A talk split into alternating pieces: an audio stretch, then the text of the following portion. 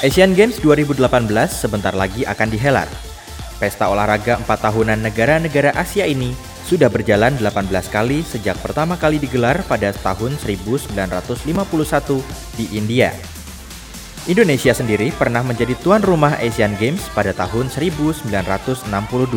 Mengucap Bismillah, saya menyatakan Asian Games keempat tahun 1962 di Jakarta terbuka. Pada tahun 1962, Indonesia berdaya upaya untuk mewujudkan kesuksesan perhelatan Asian Games.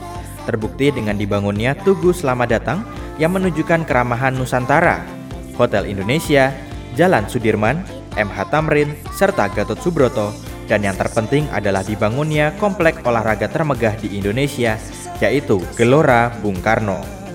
Pembangunan-pembangunan ini diupayakan tidak lain karena semangat sang proklamator yang membuat ajang Asian Games 1962 bukan hanya untuk olahraga, namun juga sebagai nation building Indonesia.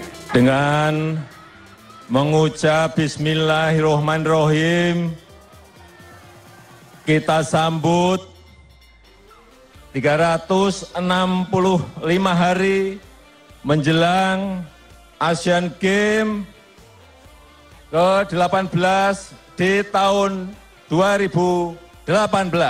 56 tahun kemudian, Asian Games kembali digelar di Indonesia. Berbagai persiapan kembali dilakukan seperti renovasi Gelora Bung Karno, percepatan pembangunan MRT Jalur Sudirman, dan penyempurnaan venue-venue penunjang lainnya di Palembang serta beberapa stadion di Jakarta dan Jawa Barat.